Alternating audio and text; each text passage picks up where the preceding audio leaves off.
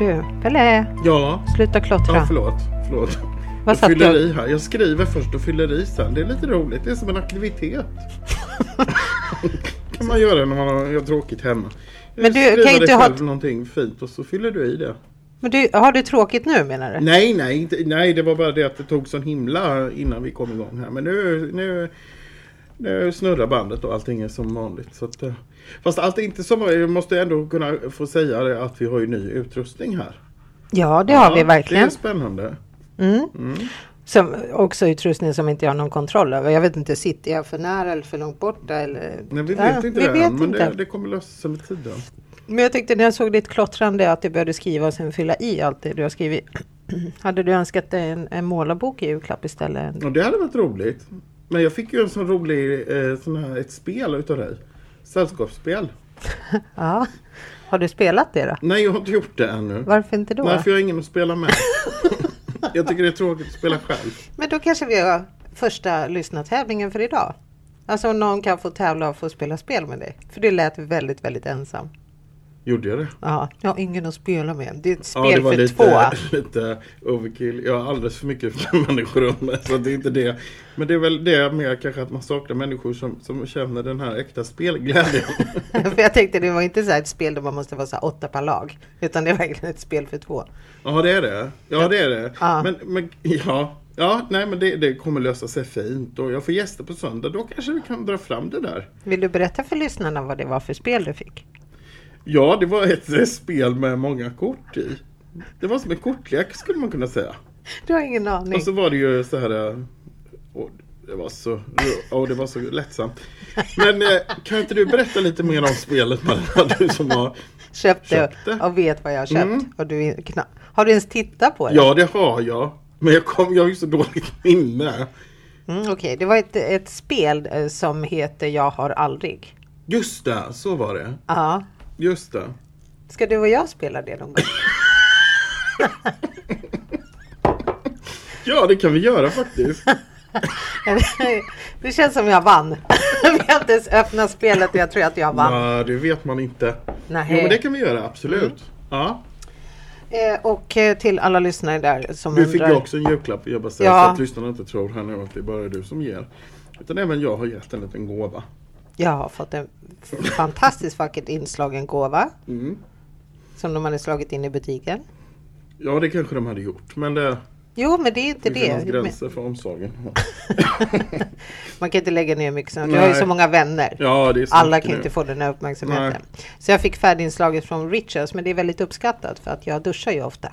Ja, det tycker jag är trevligt. Det är klädsamt. Så nästa år kanske du får något liknande utan mig.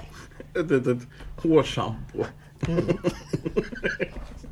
Ja, man vet inte. Okej. Jag tror att det är typ så här tusentals lyssnare som undrar, kommer det komma en gäst idag? Ja, och då kan vi gl- glädjande meddela att det gör det. det är jätteroligt. Det ja. tycker vi. Ska vi bjuda in gästen nu eller? Ja, med tanke på att hon har tagit sig hit. Jag vet inte hur långt hon har åkt, men det En kan vi ta reda bit. på. Ja. Vi kan få veta vad hon heter, var hon kommer ifrån. Ja. Tror du det? Ja. Vi testar. Vi testar. Välkommen. Välkommen. Tack! Helena Söderlund heter jag och kommer från Östersund. Ja, det är en bra bit bort. Visste du om det här? Ja, för jag frågade när de kom. Ja, okej. Men eh, snälla säg att du är här i ett annat ärende också så att inte du bara kom till podden från Östersund.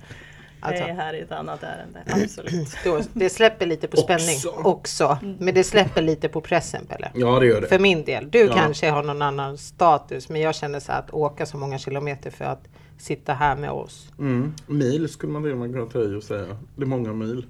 Det är Hur väldigt många svenskt. mil är det till Östersund? Det är väl ungefär 60. 60 mil, ja. Ja, men ser. det- jag tycker det är roligt. Det är svenskt att säga mil. Vi finnar vi pratar i kilometer. Mhm. Så du har åkt ungefär 600 kilometer. Mm. Är det i närheten av där vi var? Vi har och tittade varit... på den här eh, herrgården, eller herrgården, gästgiveri, vad, vad heter det? Nej, jag tror att du tänker på att när vi var på den här prästgården och övernattade. Borgvattnet ja. Borgvattnet, ja det är ju ungefär lika långt. Ah. Ja det var ju en bra runda, det var det ju. en bra runda för att åka upp för att käka köttbullar och potatismos och så åka hem igen. ja men, men det var gott. Ja, sa kocken. Men eh, vem är du och hur hittade du hit? Ja, jag blev inbjuden hit. Pelle? mm. Det här är hemligheten med, alltså när man har en assistent. eller hur? Ge henne ett par fria händer så. Tudu! Ja, men det är jätteroligt ju. Men vad är ämnet idag då? Ja, det är en jättebra fråga. Okej, tre personer ska podda, ingen vet vad det här handlar om. Men om du skulle få gissa, varför tror du att vår assistent har tagit kontakt med dig? Ja, jag tror att det kan ha att göra med en, den livserfarenhet som jag har. Eh, den resa jag har gjort de sista åren i kombination kanske med vad jag jobbar med. Okej, vi är någonting på spåren i Ja, alla nu fall. Vi har fått lite ledtrådar här. Mm. Men vad är det som har hänt nu då de senaste, den senaste tiden? Mm. Eh, För två år sedan ganska precis så fick min man en aggressiv cancerdiagnos. eh, Som han dog av efter fyra månader. Efter fyra månader? Mm. Oj. Mm. Det gick väldigt, väldigt fort.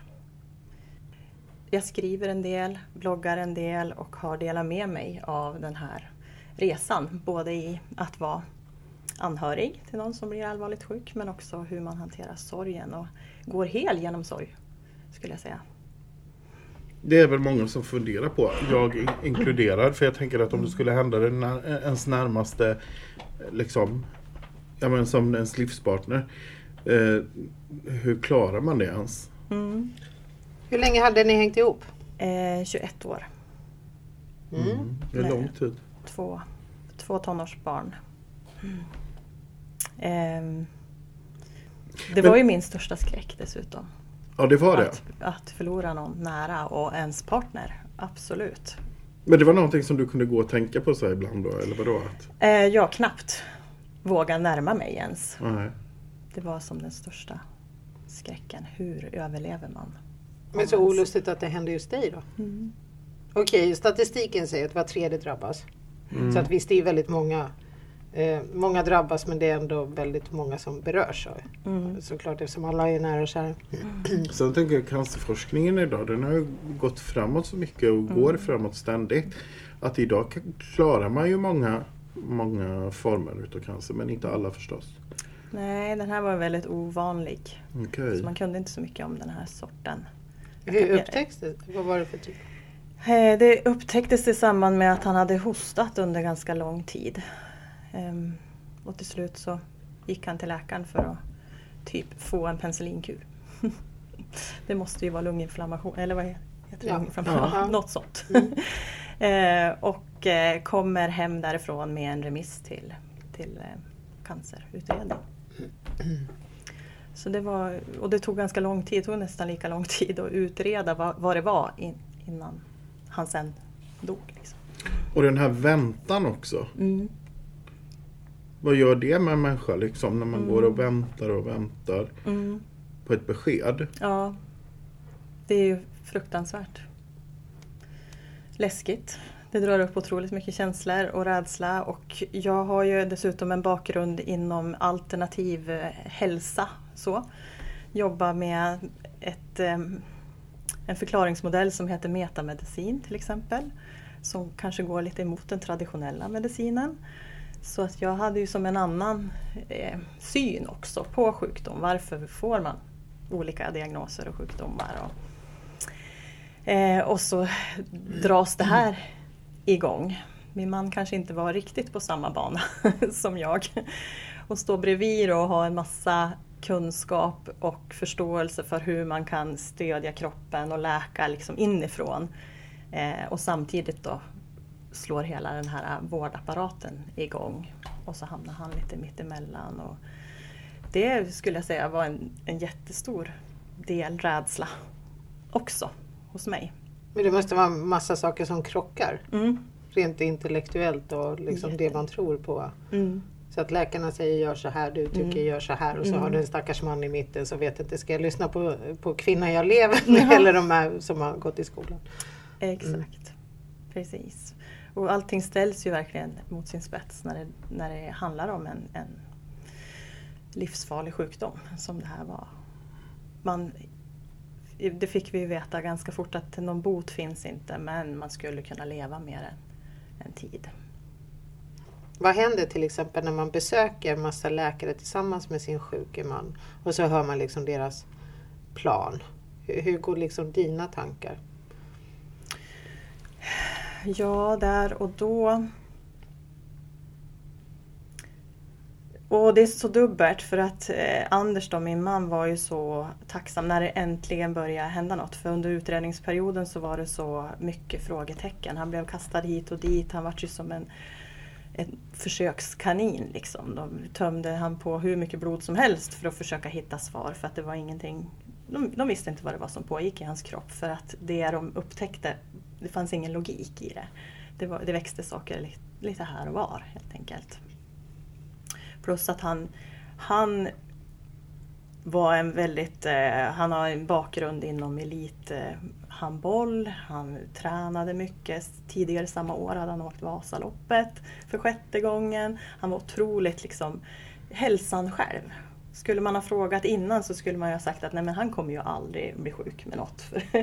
han åt bra, ja, rör, har alltid rört på sig. Och, och det är så mycket som som dras upp en sån här gång. Det är så mycket som liksom blir skarpt läge. För att jag då, som också då har jobbat terapeutiskt, jag jobbar med ganska djupt, nästan hypnotiskt med, med terapi eh, för att verkligen lösa bakomliggande orsaker till att då vi utvecklar olika symptom. Eh, jag har jobbat med mig själv inåt under så otroligt många år. Eh, han då fysiken själv. så. Och så flyttar den här sjukdomen in som väcker så mycket rädsla. Eh, det, det, är så mycket kollektivt som också kickar in. Liksom. Man törs ju knappt nämna ordet cancer. Det liksom, man riktigt ser hur folk blir chockade och rädd. Och där dras man med. Och jag med min förståelse vad en chock och en rädsla gör med kroppen var ju så här så himla ja, ironiskt nog rädd för andras reaktioner. Så vi ville ju som inte riktigt prata om just cancern heller. Utan när vi väl hade fått diagnosen och eh, skulle berätta det så var det så här att ja, vi har fått det här nu men vi väljer att fokusera på livet. Punkt slut. Kom inte här med en massa rädsla i vårat knä. För, för, för mig var det så starkt att det kommer bara försämra honom. Eh, han är nog rädd i sig själv så vi kan inte liksom ta in omgivningens rädslor också. Märkte, märkte ni någon skillnad i, i liksom hur folk bemöter en eller så när någonting sånt där händer? För jag tänker som du säger, många blir eh, liksom rädda när man har cancer. Att många mm. kanske drar sig undan eller att mm. man liksom... Det upplevde jag inte. Nej, jag tycker att vi hade ett otroligt fint stöd från omgivningen på alla sätt och vis. Och fördelen när man drabbas av cancer inom vårdsvängen är ju att det kopplas ju på en, en otrolig vårdapparat med mycket stödfunktioner också. Så han blev ju väldigt trygg när, när, när det drog igång. Sen fick ju jag jobba parallellt på sidan av dem med rädslan och min aversion som jag har haft mot vården. Och medicinering och, och sådana saker. Det var otroligt utmanande. Så jag fick ju som Ja, det blev ju en riktig djupdykning in i mig själv, i både rädslan för att tänk om han dör. Tänk om det är så allvarligt så att han dör. Dit gick jag ju på en gång och det är lite det så jag hanterar utmaningar generellt. Jag är lite som Ronja Rövardotter. Jag går dit man ska akta sig. Eller där det känns. Där det är jobbigt, där det är läskigt. Dit går jag för att jag har redskapen att hantera det. Jag, jag är inte rädd för känslor. Det där var ju bra uttryckt. Absolut, jag måste nog se Ronja Rövardotter en gång till för jag bara kommer ihåg att de gapade och skrek. Men jag tänkte också så här, och det här ser jag inte för att jag ska provocera eller eh, jag ska alltid vara som på ett annat sätt än alla andra. Men jag upplever just det som du säger hur man reagerar med ordet cancer. Jag tror att jag har utvecklat något tvärt emot. Att det är inte längre ett laddat ord. Alltså att, för jag vet också hur jag har hur jag reagerat, i alla fall när jag var yngre. Om någon sa att ah, men den har fått leukemi. Jag tyckte det var en boom i att folk fick leukemi förut. Sen var ju bröstcancer och är olika typer. Jag tycker att jag har blivit så härdad på något sätt. Så att jag, jag vet inte, när jag hör ordet cancer då tänker jag alltid eh, att det finns ändå ett lyckligt slut någonstans. Alltså att jag, jag drabbas inte av rädsla utan jag tänker kanske mer så här, okej okay, hur löser vi det här då? Men eh, sen får ju inte jag glömma bort att alla reagerar inte så. Nej. Och det är bra påminnelse när du sitter här. Mm. Att för många är det att det triggar igång så mycket rädsla. Men sen är jag ju tack och lov, jag har ju ingen sådär... Jo, jag har ju en, en vän nu som eh, hon har ju fått det här beskedet. Men det är också så här, när det är en vän som jag inte träffar varje dag, då är det också svårt att veta vart, hur går det? För, för hur ska man hantera en sån sak? Ska man höra av sig hela tiden så här, hur mår vi nu då? Vad är prognosen? Hur hade du velat att vi, ett sånt hanteras? Ja, det där är en jätte, jättebra fråga. För det är en sak att höra av sig till mig då, som stod bredvid. För där, då kan man ju prata på ett sätt. Men eh, när man hörde av sig till Anders då blev det ju så väldigt mycket så här Kämpa på och det här klarar du och du är stark och du med din bakgrund och det är klart att du klarar det här. Så han kände ju hela tiden att jag gör ju inget annat än kämpar liksom. Jag försöker ju bara ta dag för dag. Och få det över sig hela tiden tyckte han var jättejobbigt. Så många gånger så är det ju att man bara egentligen behöver höra av sig och lyssna eller prata om något helt annat. Mm. Han föredrog ju helst att bara få prata om, om livet. Vad händer med dig? Vad gör, vad gör ni? Inte prata så mycket om vad han, hur han Nej, mådde. det så. måste ju vara skönt att flytta fokus från sig själv. För man är så Mm. mycket uppe i sina egna tankar ändå kan jag tänka mig. Så att man, man får fokusera på någonting annat. Det är väl jätteviktigt. Men det är också en läskig fråga att ställa. Oavsett om jag hade ställt det till en anhörig eller den som är drabbad och frågat så här, vad, vad händer? Tänk om den Mm. personen säger att det, det ser inte bra ut. Mm. Man måste vara redo för svaret Ja, också. Ja, så. Innan man bara kastar ur sig någonting så här lite vardagligt. Ja, hur är det med Anders eller vem det nu än är. För det kanske är någon som säger de här orden att Mm. Det är inte långt kvar. Nej, Ja, så, precis. Så absolut, inte ignorera. Det är, ju, Mm. det är ju det värsta man kan göra, bara låtsas som ingenting. Absolut våga fråga. Men, men kanske inte bara fokusera på det utan mm. prata om. så det du var mest rädd för, det hände dig? Ja, Mm. Hur tog du dig igenom det här? Ja, eh, det är lite intressant hur, hur, hur man kan reagera när man hamnar i sådana här skarpa lägen. För, för på något vis så blir det som att man upplever det värsta man kan föreställa sig och den här ovissheten. Kommer han klara det eller inte? Eh, kommer han dö? Och så allt det som liksom våra människa upplever där och då. Men sen är det som att jag, jag också tog som ett ovanifrån fokus och perspektiv och nästan lite så här vad spännande! Ska jag få vara med om den här? Det som ändå har varit min rädsla. Wow! Så på något vis så kunde jag liksom ha två perspektiv genom resan. Vilket kan ju låta helt horribelt. men, men det är väl kanske min... Allt det jag har samlat på mig genom alla år liksom och med den terapeutiska bakgrund jag har och eh, synen på människan som ja, som varelser som besöker den här tillvaron en kort period. Så, så, så kunde jag liksom ha de här två perspektiven. Så liksom ena dagen då kunde jag ligga som en våt fläck och bara vara i rädslan, skaka, gråta, skrika. Verkligen bara få ur mig med allt det som kändes. Och så nästa dag så kunde jag liksom ha det här att men gud vad intressant och vad händer nu? Och vad, vad, vad händer med han och vad händer med mig i den här resan? Och ja, men lite som, ta som en forskar. Blick på det hela. Se lite objektivt på det här. Ja, precis. Ja, och lite så här nyfiket. Ja. Men gud, ska jag få Vad är nästa det fas? Ja. Ja. Men vi som eh, är, har bägge våra fötter i den andliga världen och Mm. resten av kroppen också kommer på. av ja, kroppen jag vi- ja, hela. Mm. Ja. Tänkte det såg ju jättekonstigt ut. Liksom. Ja. Ja. Jag ska inte måla upp den där bilden något mer. Men, eh, hur känner du? Var, var är Anders nu någonstans? ja, men han är ju hemma. är han hemma i Östersund? Nej, nej, oh nej. Hemma liksom i, i Gud eller källan eller universum Okej. eller vad man nu Ah, ja, så han är, inte kalla hem, det. ah, han är inte på den gamla bokföringsadressen? Nej, nej, okej. och där är han nog och tittar in emellanåt också, absolut. Men eh, det är det som är häftigt också när man har gått igenom den här, alltså få följa det här för- förloppet då med den här forskarblicken.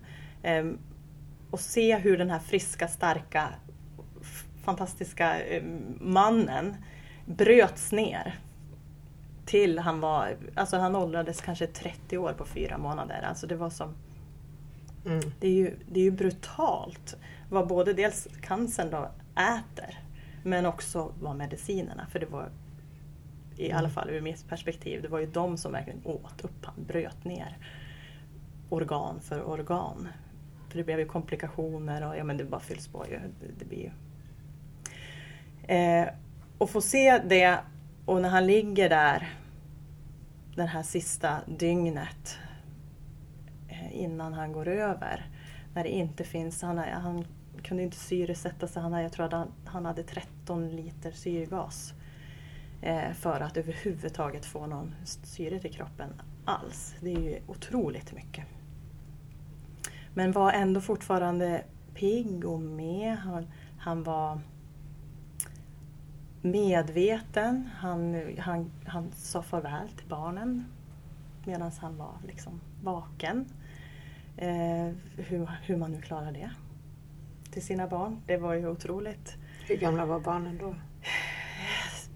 Ja, det var Hildas femtonde födelsedag dessutom. Aj, aj. Mm. Så på hennes födelsedag blev vi inkallad till Mm. bak. Ehm, och Arvid, då, äldsta, är, var då 17. Mm. Ja, det är starkt att kunna säga adjö till sina barn. Ja, Mm. Han skulle fylla Ja. mm. Ja, otroligt, det var ju otroligt gripande. Men ändå så, så liksom fint på något Mm. sätt. Vilken gåva han gav dem. Det var inte de som fick säga adjö till honom när han ligger liksom i princip Nej. borta. Utan han tog det innan.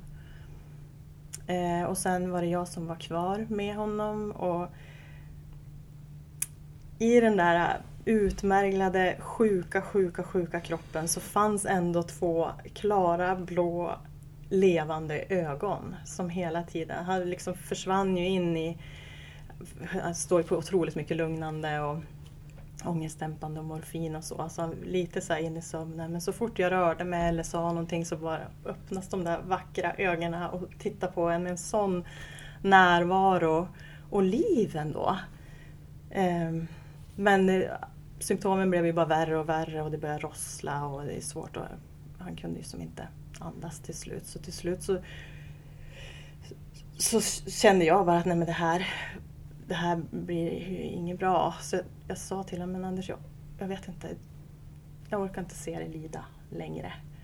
Um, och då vart han så här, nej, nej, nu räcker det. Så han uttrycker det så tydligt och då var ju sköterskan på väg också med någon ny cocktail som han skulle få för den här slem... Ja. Så jag frågade, vill du ha det där hon kommer med? Han bara, nej nu vill jag inget mer. Nu räcker det. Och då var det ju som bara att ja, kapitulera för det som skulle ske. Så att jag, fick, jag kröp ju, de hade ju bäddat så att jag fick ligga bredvid honom. Så jag kröp ju bara in till liksom och fick stryka han över bröstet för att han... Det, du vet när man är så här i obehag i kroppen, man kan ju vara det om man är riktigt bakis eller någonting annat. Så, åh, man vill bara krypa ur, det bara kryper igen. Lite så rörde han sig. Och han ville att jag skulle stryka han över bröstet och så fort jag liksom saktade av så bara fortsätt, fortsätt, fortsätt. Ehm, och till slut så, så pra, jag pratar liksom in i örat och tackar han för allt. Eh, för barnen och för allt han var och bara bad att han skulle, du, du får släppa taget, vi kommer klara oss. Och i och med att jag säger att vi kommer klara oss tar han ett jättedjupt andetag. Jag ser ju hur hela han bara slappnar av. Eh, men så blir han sådär orolig igen och då fortsätter jag prata bara. Upp, liksom öppnar din inre blick och du ser, hans pappa hade gått över några år tidigare. Du ser pappa, han väntar på andra sidan. Din morfar, de tar emot dig, det är ingen fara, du slipper den här jävla världen. Alltså jag, bara, och jag bara pratar och, jag och där också kan jag betrakta mig själv, men vad är det jag gör? Jag sitter och övertalar min livskamrat att gå över. Det är inte klokt. Eh, men jag fortsatte bara och till slut så, så händer någonting mirakulöst. Alltså, när man inte har varit med om en sån här situation förut så har man ju inte så mycket att använda och tolka heller. Vad är det jag upplever? Så i min värld var det så här, men gud nu skedde ett mirakel. Nu, nu vände det. Nu, nu, nu kommer man bli bra. För det, det som skedde var att det blev en sån otrolig lättnad och befrielse i rummet. Och så hör jag orden att nu äntligen är det över. Eller nu äntligen blir det bra, så var det. Nu äntligen blir det bra. Och så vart det den här otroliga lättnaden. Jag bara kände hur hela mitt, mitt bröst bara expanderade och öppnades. Och, eh, och, jag, och jag bara la mig, lutade mig tillbaka liksom och bara nu var det värsta gjort. För han fortsatte andas, men väldigt lugnt. Eh, och från att ha varit lite så här i kroppen, liksom, uh, olustig i kroppen och att han öppnade ögonen så fort jag rörde på mig och så, så var han helt lugn. Så andningen bara gick så här jättelugnt och fint och jag kunde klappa på honom och snusa på honom och hålla handen och han bara fortsatte andas lugnt. Så tänkte jag, men nu är det det här helande som sker. Hoppet överger en aldrig. Eh, så jag låg ju där några timmar och lyssnade på hans andning och, och undrade liksom om jag somnar nu, om jag vaknar, kommer han då slå upp sina blå och liksom nu har det vänt. Um, så vart det morgon och så kommer personalen in och frågar om jag ska ha någon frukost. Så jag beställer frukost och berättar att oh, det är ju så lugnt här nu. Liksom. Han, ja, han ser ut att ha fått ro. Liksom. De gick iväg och då vände jag på mig och slappnade av. För nu var ju natten, för det hade vi fått höra, liksom, den här natten är ju den kritiska. Liksom. Klarar han den så, ja. Så jag vände på mig och så skulle jag precis bara ge efter och somna. Då hör jag hur han slutar andas, eller han, hans andning förändras. Och blev glesare och så tog han ett sista och bara var borta. Och då var det som... Det var så här konstigt i mig, men vad var det som hände? Och då gick det upp för mig att det där miraklet som jag upplevde, det var ju när han lämnade. Han, han valde själv att lämna innan kroppen. Ofta är det ju tvärtom det sker. Att kroppen ger upp och sen får själen lämna. I min värld är det så i alla fall. Men, men här fick han chansen att faktiskt kliva ur när han ville. Och Mm. det var så mirakulöst att se. Alltså då, då kan man ju som inte tvivla på att vi är bara här ibland och upplever den här resan i de här kostymerna som vi har. Eh, för att sen vakna upp till någonting. Nej, och sen att, att ha, eh, vara så lugn eh, med andning och så under en så lång period. Eh, det är också ganska ovanligt vad jag förstår.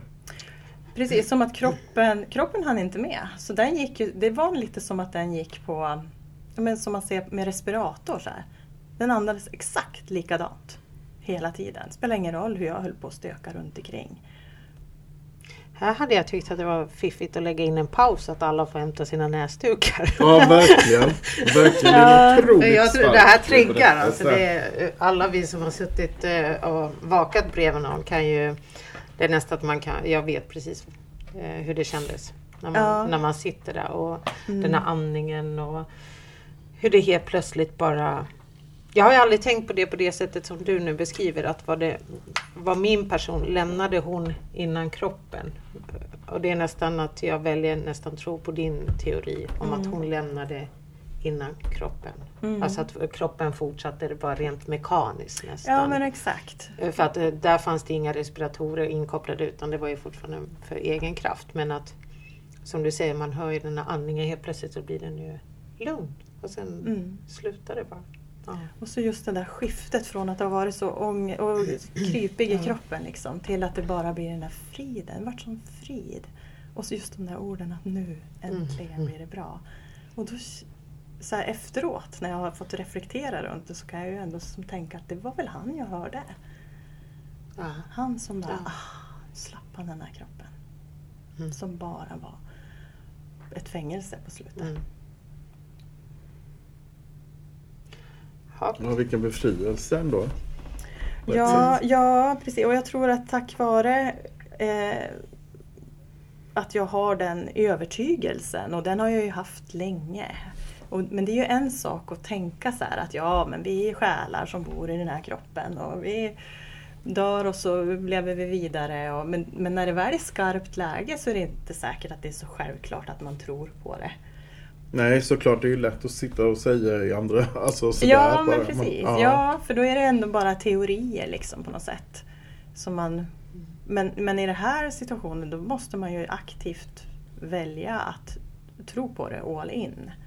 Och det, det var lite det, jag tror det är det som var det här ovanifrån perspektivet också. Att gud, det är ändå lite spännande. Jag kunde tänka det till och med där den natten. Tänk att jag får vara med om det här. Men du har ju eh, snuddat några, vid några tillfällen så har du innan eh, yrken och sånt där. Vad är det för typ av terapiyrken du har jobbat med? Ja, jag är ju socionom i, i grunden eh, och sen har jag ju då en, ett, ett gäng olika påbyggnadsutbildningar som är förmodligen inte alls godkända. Okej, Jag tänkte Ja, precis, vara du kunna visa dina legitimationer? Mm. ja, precis. Ja. Nej, eh, den ena heter hypnosyntesterapi. Eh, terapi. eh, handlar ju väldigt mycket om egentligen att försätta eh, en person genom en viss typ av frågor i, i någon form av trans. För att komma liksom förbi sinnet och hitta det som ligger bakom. Då. Om det är beteendemönster eller om det är eh, sjukdom eller vad det nu kan vara. Som man har bekymmer med. Så det är liksom det som kanske är själva grunden i de sessioner som jag jobbar med. Sen jobbar jag ju då med metamedicinens kunskap liksom, så att jag kan få en ledtråd i att okej, ehm, du har det här symptomet, ja men då vet jag på ett ungefär vilka känslomässiga trådar jag ska dra i för att hitta rätt. Men sen jobbar jag också med en, eh, ett system som heter Human Design som är mer liksom kopplat till vilken design vi föds in i, i, i våra kroppar. Eh, och hur vi unikt är utformade att, att vara och bidra med i, i den här mänskliga kostymen. Så lite som, eh, som ett dataspel liksom, där man väljer olika avatarer eller eh, figurer med olika förmågor och sådär. Så tänker jag att vi människor... Har du menat att ens, ens kroppsliga, alltså rent fysiska kropp har någon slags koppling då? Eller vad? Eh, kanske inte fysiska Nej. kroppen så, utan det, jag tänker mig mer som en, det som ett hologram, som en blueprint hologram där, där våra eh, där energierna strömmar igenom så att vi får som en, ett mänskligt uttryck Mhm. med olika typer av förmågor. Eh, och det, det är ganska liksom, konkret ett konkret system. Man liksom knappar in sina födelseuppgifter i ett datasystem och så får man fram en, en karta över eh, olika energityper. Vilken energityp just du är med vilka unika förmågor just du är, har och kan bidra med i, det här, i den här världen. Så att för mig blir det liksom som vi människor och det här livet, det är som ett, en dataanimation kan man säga. Där vi har olika roller att, att fylla. Och det är inte det som är på riktigt. Det som är på riktigt det är där, där min man befinner sig just nu. Men hur gör man för att boka dig då? Eller komma i kontakt med dig? Eh, då kan man gå in på min hemsida, det är väl enklast. Som heter? helenasoderlund.se Ja men det är bra och där finns lite mer information och så. Ja, precis. Och där hittar man också min blogg. Mm. Ifall man vill. Varför har vi ingen blogg? Ehm. Ja, det, man måste väl skriva då i en blogg. Precis, man behöver tycka om att skriva. Mm, Det gör jag i och för sig. Ja, jag ser det. För du skriver för fullt i era anteckningsblocket. Du har skrivit dagens datum. Nej men sluta! Jag skriver på mina villkor. Med din osynliga textpenna. Vad heter det? Ja men det är någonting vi kan fundera på. Kan vi ta upp på nästa planeringsmöte? Blogg skriver jag. Ja. Precis. Och där har jag ju delat med mig en hel del om den här resan med cancer och död och livet efter. Hur känns sorgen idag? Eh, Jag är ganska fri med den. Ehm, Det, jag skulle säga att jag var igenom den här sorgeprocessen kanske tio månader efter han dog. Eh, För att jag kasta mig in i den processen som, som jag gör. Eh, genom att egentligen söka mig till där det gjorde ondast hela tiden. Så att jag har liksom månad, eller första månaden, jag sjukskrev mig första månaden och under den månaden så gick jag igenom hela huset. Eh, jag gick igenom alla foton, eh, ja, det kan ju låta horribelt också, men just bara för att jag, jag ville vara i det som kändes. Ville inte liksom smita undan på något vis eller döva eller nej, dämpa utan jag pratade och pratade och pratade. Jag skrev och skrev och skrev och jag gick dit det kändes som allra mest. Eh, vi hade ju precis, när han blev sjuk så hade vi precis eh, blivit klara med vad vi kunde göra i alla fall i eh, våra eh, sommarstuga. Vi hade byggt allt vi kunde och så sen skulle hantverkare göra det sista. Så vi skulle som flytta in. Så det pratade vi om på slutet när han var sjuk. Att han kanske skulle få åka dit och återhämta sig och hitta tillbaka till krafterna när medicinerna väl då hade funkat. Så ja, hade vi någon slags målbild. Men han hann aldrig flytta in. Utan det var vad vi gjorde efter begravningen. Eller begravningen, vi hade ingen begravning, vi hade en minnesstund. Eh, som jag kände behövde få göras på, på mitt sätt. eh, med hans godkännande såklart. Eh, så då, då, flyttade vi in och stället, det liksom var hans ställe där han har vuxit upp på ön där han hade vuxit upp. Eh, som plötsligt jag nu skulle flytta in med mina barn och skapa till, till mitt. Vilket var smärtsamt men också var en otroligt viktig del i läkningsprocessen. Jag har rest till ställen som vi gjorde. Jag har, jag har verkligen sökt mig till allt som har känts. Och jag har släpat med mig barnen och jag har visat på att vi, det här ska inte få definiera våran framtid. Vi, vi, kan inte hålla på och leva vidare och tänka att nej men gud jag kan inte åka till Kroatien och mer för det, dit åkte ju vi. Det var ju vårat ställe. Eller jag kan inte åka till Rom igen för dit åkte vi på bröllopsresa. Alltså jag vill inte känna mig begränsad av det som har varit. Det här har varit en otrolig tragedi och det absolut svåraste vi har behövt gå igenom. Men jag behöver gå igenom det som hel för att kunna fortsätta leva. Och också ta tillvara på det liv som jag, jag har fått. Det som jag har valt att leva här. Ja, för att jag... Det låter lite som att claima livet. Alltså, ja, sätt, ja, men lite å, ja mm. precis. Som att återta mm. livet. Mm. Jag förlorade min klippa. Han var verkligen klippan. Han var, apropå personlighetstypen, han var motorn i våran familj. Han, det var liksom allting kretsade runt honom. Han var en sån person. Och så försvinner den. Då behöver vi ju hitta ett nytt sätt att leva. Vi är tre nu då. Så, så det, det, har vi, jag känner mig otroligt stolt över hur vi har tagit oss igenom det här, både jag och barnen. Men om du tänker tanken att ta in en ny man i ditt liv, hur känns mm. det då? Um, ja, han har ju lite att leva upp till. Ska vara så här superatlet, kunna bygga, ja, rik som fasen. Mm, det är som jag och mina tre S. Jag vill säga snygg, sexig och steril. Liksom. Ja, det är ändå, och stenrik. Det är också Fyra. mål. Ja. Ja. Nej, men jag, jag, är, jag är öppen. Ja. Och jag vet inte hur redo jag är, det tror jag inte att man vet först den dag man verkligen möter någon. Men, men jag tror att jag är redo. Ja. det tror jag. Eh, för att jag, som sagt, sorgen kände jag med. Det hände någonting när han skulle ha fyllt 50, han var ju 49 år när han dog. Och efter 10 månader så skulle han ha fyllt 50 och då var det som att någonting hände i mig där jag kände liksom att jag ja, men knöt ihop sorgesäcken. Eh, och sen när det har gått ett sorgeår, jag vet inte, det är säkert något kollektivt också man har med sig, men då kändes det som att ja, men nu, nu är jag klar. Mm. Nu kan jag liksom öppna gluggarna här och, och leva vidare som jag. Eh, så att, eh, och det tycker jag ganska fort så kände jag inte den här enorma smärtan eh, av sorg, det gick över ganska fort och det tror jag var för att jag verkligen dök in dit hela tiden.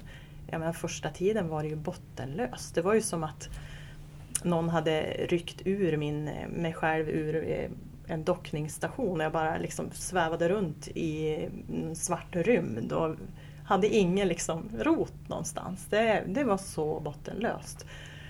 Så att, ja fy, hade man varit kvar där länge vet jag inte. Nej men du har hoppat i varenda pöl låter det Ja, ja jag så Du har in. inte bara doppat tån i någon så här, utan du har hoppat i de här sorgepölen. Ja, men jag har nog gjort det. Och, ja, men, ja, men kanske hitta någon dockning Mm. i, i alla de här Men hålen. kräver inte det ett väldigt mod också att våga göra det? Att våga gå dit det smärtar mest? Jo, men jag, jag börjar ju förstå att det gör det. Jag börjar förstå att alla gör inte så här. För mig var det som självklart. Och jag fick också den feedbacken mycket utifrån att ja, men är det någon som kommer klara det här så är det du. Eh, du som har jobbat så mycket med de här sakerna och är så orädd. Och för mig är det som inga... Jag har som inte reflekterat över att alla inte gör så. Men jag har förstått Nej, det, du har bara gjort på ditt sätt. Ja men precis, och det är så lätt att tänka att ja, men det är väl så här man gör. Men jag förstår ju att det, så är det verkligen inte. Och vilka krav det kommer. Jag tänker bara på det nya. Jag är redan i din framtid så, som du hör. eller Jag är, redan, jag är ett och ett halvt år härifrån. Ja. Ja, jag är vattuman. Vad ska jag göra? Nej, Alltid ska före min tid. Det, det, är- det är en gåva jag har. Och då tänker jag att det är också det här eh, kravet som ställs på den här nya mannen att inte vara svartsjuk på den gamla mannen. Därför att ni lämnade inte varandra frivilligt. Nej, Nej och det, ja, Ja, där säger det, något. Mm. ja, för det är en sak att om ni sa så här, nej men vi breakade för vi var färdiga med varandra. Men ni var ju inte klara med varandra. Nej. Och bara komma in som ny man. Jag säger bara attention, attention, ni som träffar henne. Alltså det, ha den här respekten för att den här mannen finns ju fortfarande kvar. Ja. Att inte blanda in den där konstiga svartsjukan Mm. eh, på en avliden. Vilket jag tror lätt hänt. Mm, det kan Det tror jag absolut. Och ha, om man också möter en änka som inte har gjort jobbet Mm. med Exakt. den här processen så kan det ju verkligen vara att det är, finns en tredje person med i en ny relation.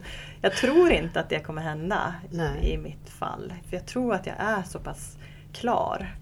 Med, alltså jag kan sakna honom något kopiöst emellanåt men det gör inte ont. Nej. Har- det är ju liksom, min människa saknar hans människa. ja. Så, så är det ju. Men. Men det kommer ju dagar när man slutar gråta i duschen som jag brukar känna. Alltså, en dag så märker man bara att det inte Nej men precis, nej, och det slutar jag med faktiskt ganska tidigt. Mm. Skulle jag säga, har jag förstått. Mm. om, man, Exakt. om man jämför. Men känner du av hans närvaro? kommer en liten medial fråga här. Ja, Mm. under första tiden efter gjorde jag det otroligt väl. Det var som, en, eh, som att han höll en varm filt runt oss konstant. Just Ehm, det har liksom tonats ut tycker jag. Mm. Jag kan, jag kan känna av honom ibland när jag medvetet sätter mig ner och Mm.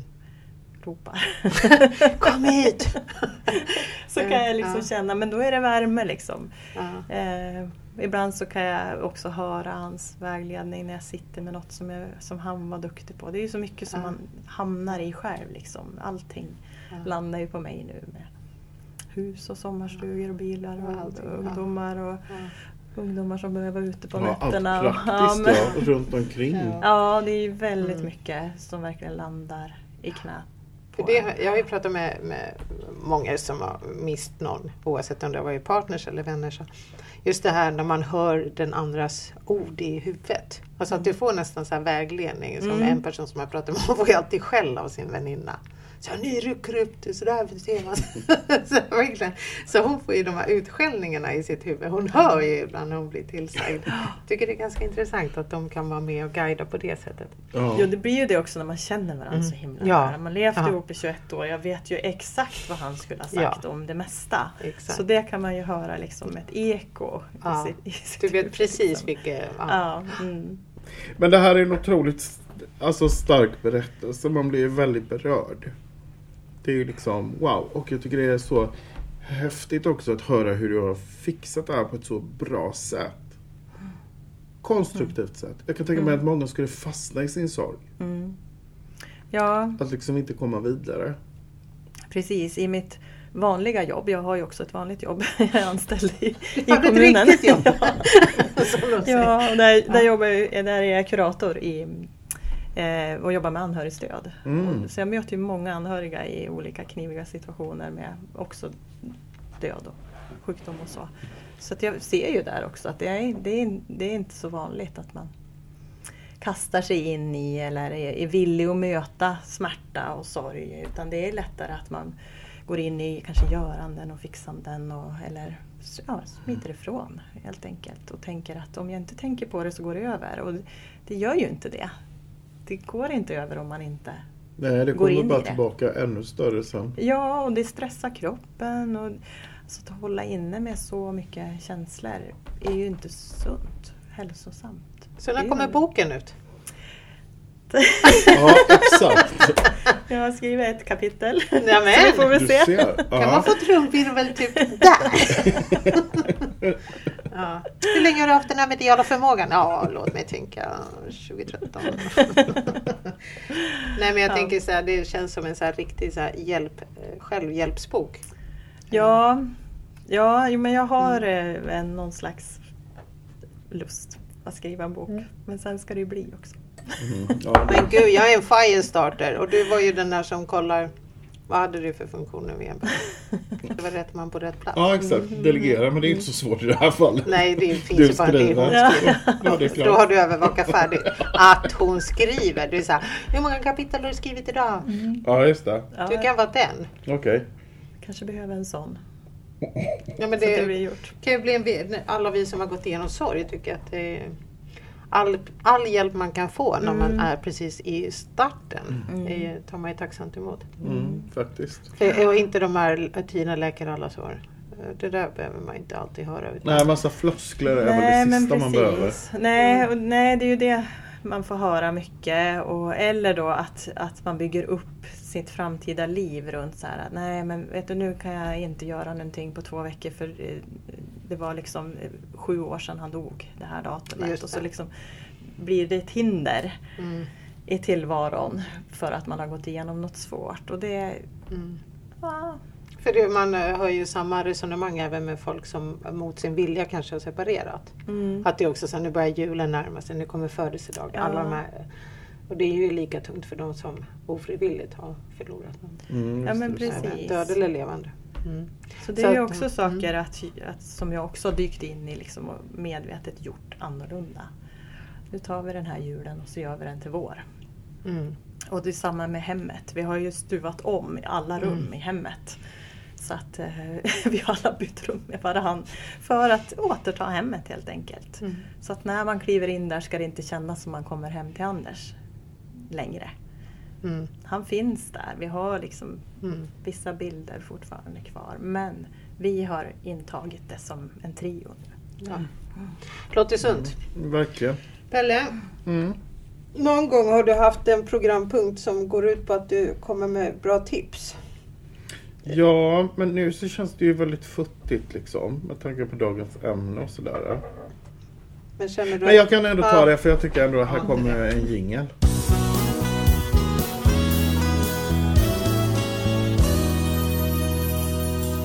Veckans tips med Pelle. Ja, så här är det. Vi har ju gått igenom en intensiv period, julen. Och då tänker jag så här, jag, jag tyckte det var väldigt tråkigt det här med städning. Mm. Ja, som jag brann väldigt mycket för Ja. förut. Kommer du ihåg? Jag minns det ja, mycket jag har väl. jättemycket bra städtips och sånt. Mm. Men så kom jag på, hur ska jag göra detta tråkiga arbete roligt? Ja. Och jag kom på det. Som en skänk från ovan. Att göra listor. Vet du, det ger ett mervärde om man, gör, om man skriver listor så här. Jag kan till och med skriva saker jag redan har gjort bara för, för, för liksom den här ryskänslan av att, att liksom få stryka. Eh, och då blir det mycket lättare. För då vill man säga, åh jag vill bli klar. Då går det mycket lättare att städa. Det är väl ett fantastiskt bra tips? Ja, men nu måste vi ta hänsyn till de lyssnarna som inte har den här konstiga böjelsen av att gilla när, och se det, vad som har Jaha. gjorts. Okej, men jag kan ju bara fylla på det här tipset. Ja, okej. Det tipset funkar ju bra för de som vill göra på ditt sätt. Och se liksom Vem stryk. älskar inte en lista? Jo men, vi kan, jo, men vet du vad man kan göra mer? Man kan ta post-it-lappar och Mm. så skriver du på varje post-it vad du ska göra. damma, dammsuga, Mm. putsa silver, bla bla bla. Och så sätter du upp den någonstans. Och när du har gjort något så får du ta bort den här påställningen. Ja, nej, det tycker nej. Nej Det men det här var jag ju inte samma. till dig Pelle. Nej, det okej, här, det är för andra. De, de där som inte var som du, du som är så unik. Utan resten Ja. av världen som tycker om att se att saker Ja, försvinner då. från listan. Ja, då får man väl göra så då. Absolut, jo men det går bra. Det går bra. Men jag tyckte i alla fall att det var ett käckt litet tips här i all enkelhet. Himla käckt. Ja, Vad Mm. göteborgskt det blev. Ja, det är många som frågar sig, kommer du från Göteborg? Men det gör jag faktiskt inte. Omöjligt. Det kommer från, från vadå? I, omöjligt? Vem skulle fråga om det? Ja, det är jättemånga som har gjort Hur det. många då? Framförallt många som bor i Stockholm, eller som kommer från Stockholm. De hör liksom inte skillnad. Bara att en har frågat, är inte det många? Ja, nu tänker jag fråga vår gäst. Tycker du att det låter som att jag skulle kunna komma från Göteborg? Nej, kanske inte Göteborg. Nej, men det- vart I närheten. Jönköping. Ja. 15 mil därifrån. Är det bara 15 mil mellan Jönköping och Göteborg? Ja, jag tror det. Om de inte har lagt flyttat på det. De flyttar ju på saker nu för tiden också. När staden uppe i Norrland har bytt plats. Men vi har ju en fantastisk bok att se fram emot. Ja, det ska bli väldigt roligt. Den väntar vi på med spänning. Mm. Vi kommer, kommer få så här signerade exemplar. Ja, jag hoppas det. Ja, vi sätter lite press på henne. Ja. Jag skulle vilja ha min bok i alla fall till nästa jul. Ja. Ja, det vore en Ja, fantastisk bra. julklapp. Exakt, till alla som är kanske ledsna och behöver lite stöd och pepp till Mm. julen. Det är perfekt om vi har så här releaseparty i november. Funkar det för dig Pelle? Ja, då. November kommer vi. Kommer ni till Östersund då? Ja, det beror på. Vi kan, du kanske måste åka på turné. Ja. Så vi kommer... Ja, precis. Så Ja. skicka turnélistan bara vilka städer du är. Ska vi trycka upp t-shirtar Pelle? ja, det tycker jag. Ja, förresten, det behöver vi göra till oss själva också. Varför det? Eller inte t-shirtar, men alltså nya, nya såna här. Vi pratade ju om att ställa upp på, på den här Harmoni Expo igen till hösten. Mm. Och så skulle vi vara på ett annat ställe i vår. Och då tänker jag, då behöver vi nya, nya, vi har ju såna här, ja vad de nu heter, kläder. Kläder. ja men du vet. De här, ja. Vilket ordförråd du har. ja, ja men du vet. Men de börjar bli inte så fräscha tycker jag. Eller sen är det för att jag har blivit så jäkla smal så jag behöver en ny tröja. Mm, jag med. Mm. Eller inte. Men i alla fall. Men apropå det, okej sista. Nu, sen har vi fokus på det vi pysslar med. En sista grej, jag måste bara få säga det. Eh, Vi ska ju till en fotograf. Ja. Ja. Ja. Ja, nu. Man ser när han säger ja och man ser när han hör, fattar vad jag säger. Ja. Eh, och jag tänkte så här, var ska vi hitta någon som stylar oss? Alltså nylle, smink, hår. Ja, det har jag inte ens. Men vadå smink? Jag använder inte smink. Det gör man när man tar sådana där bilder. Jaha, det kanske man gör. Ja, men då får vi efterlysa det. Efterlys du, du är bra på det. Kära lyssnare. Är det någon här som har ägnat sig åt styling inför fotografering eller liknande så får ni jättegärna höra av och skulle vilja hjälpa oss med det så får ni jättegärna höra av er till upp, eh, info att uppvaket.se Och det här sker i Stockholm. i Stockholm. Mm. Snart. Fort. Tack. Ja. Eh, då så. Vad har vi missat då? Nu när du ändå kom från Östersund. Det här gör ju att jag får ju LP-ringar under armarna av stress. är det för, så? för tänk om hon sätter sig, åkte du tåg, båt, buss, bil, flyg, Tåg. tåg. Hon sätter sig på tåget och så bara vänta. Det var en grej. Ja. Nej, jag tror att det, är det som var meningen har, har kommit fram. Men jag vet inte hur du känner, det kanske du ska svara på. Ja, precis. Jag vet inte. Jag vet inte riktigt vad det är för röd tråd i det här. Jaha. Det känns som det blev. Och kommer du på så hör av dig. Ja, nej, jag tycker det här var jätteintressant. Eh, och stort tack för att du ville eh, komma hit och dela din berättelse. Fantastiskt att få lyssna till. Tack. Och väldigt inspirerande. Mm, jag hoppas att många går in där på din hemsida också och tar del av bloggen och, och dina tjänster. Mm. Och eh, vi lägger ut det här i Facebookgruppen så om du har några roliga grejer på gång när du sen är klar med boken så glöm inte bort att lägga det i Uppvakets eh, Ja. Facebookgrupp så att alla lyssnare kan ta del av det här och beställa sitt exemplar. För jag tror den här boken kommer alla behöva någon gång. Vi tackar så hemskt mycket. Tack Angela för bokningen. Ja, tack Det blev bra. Angela. Och tack alla ni som lyssnar. Vi är Fantastiskt många. roligt. Eh, ja. ja, men ska vi slå igen butiken då? Du kan inte sitta här dygnet runt. Ja, okej, för lyssnarnas skull. då. Ja, Tack för att ni lyssnade så länge. ja stort tack. Tack snälla. Tack. Hej då.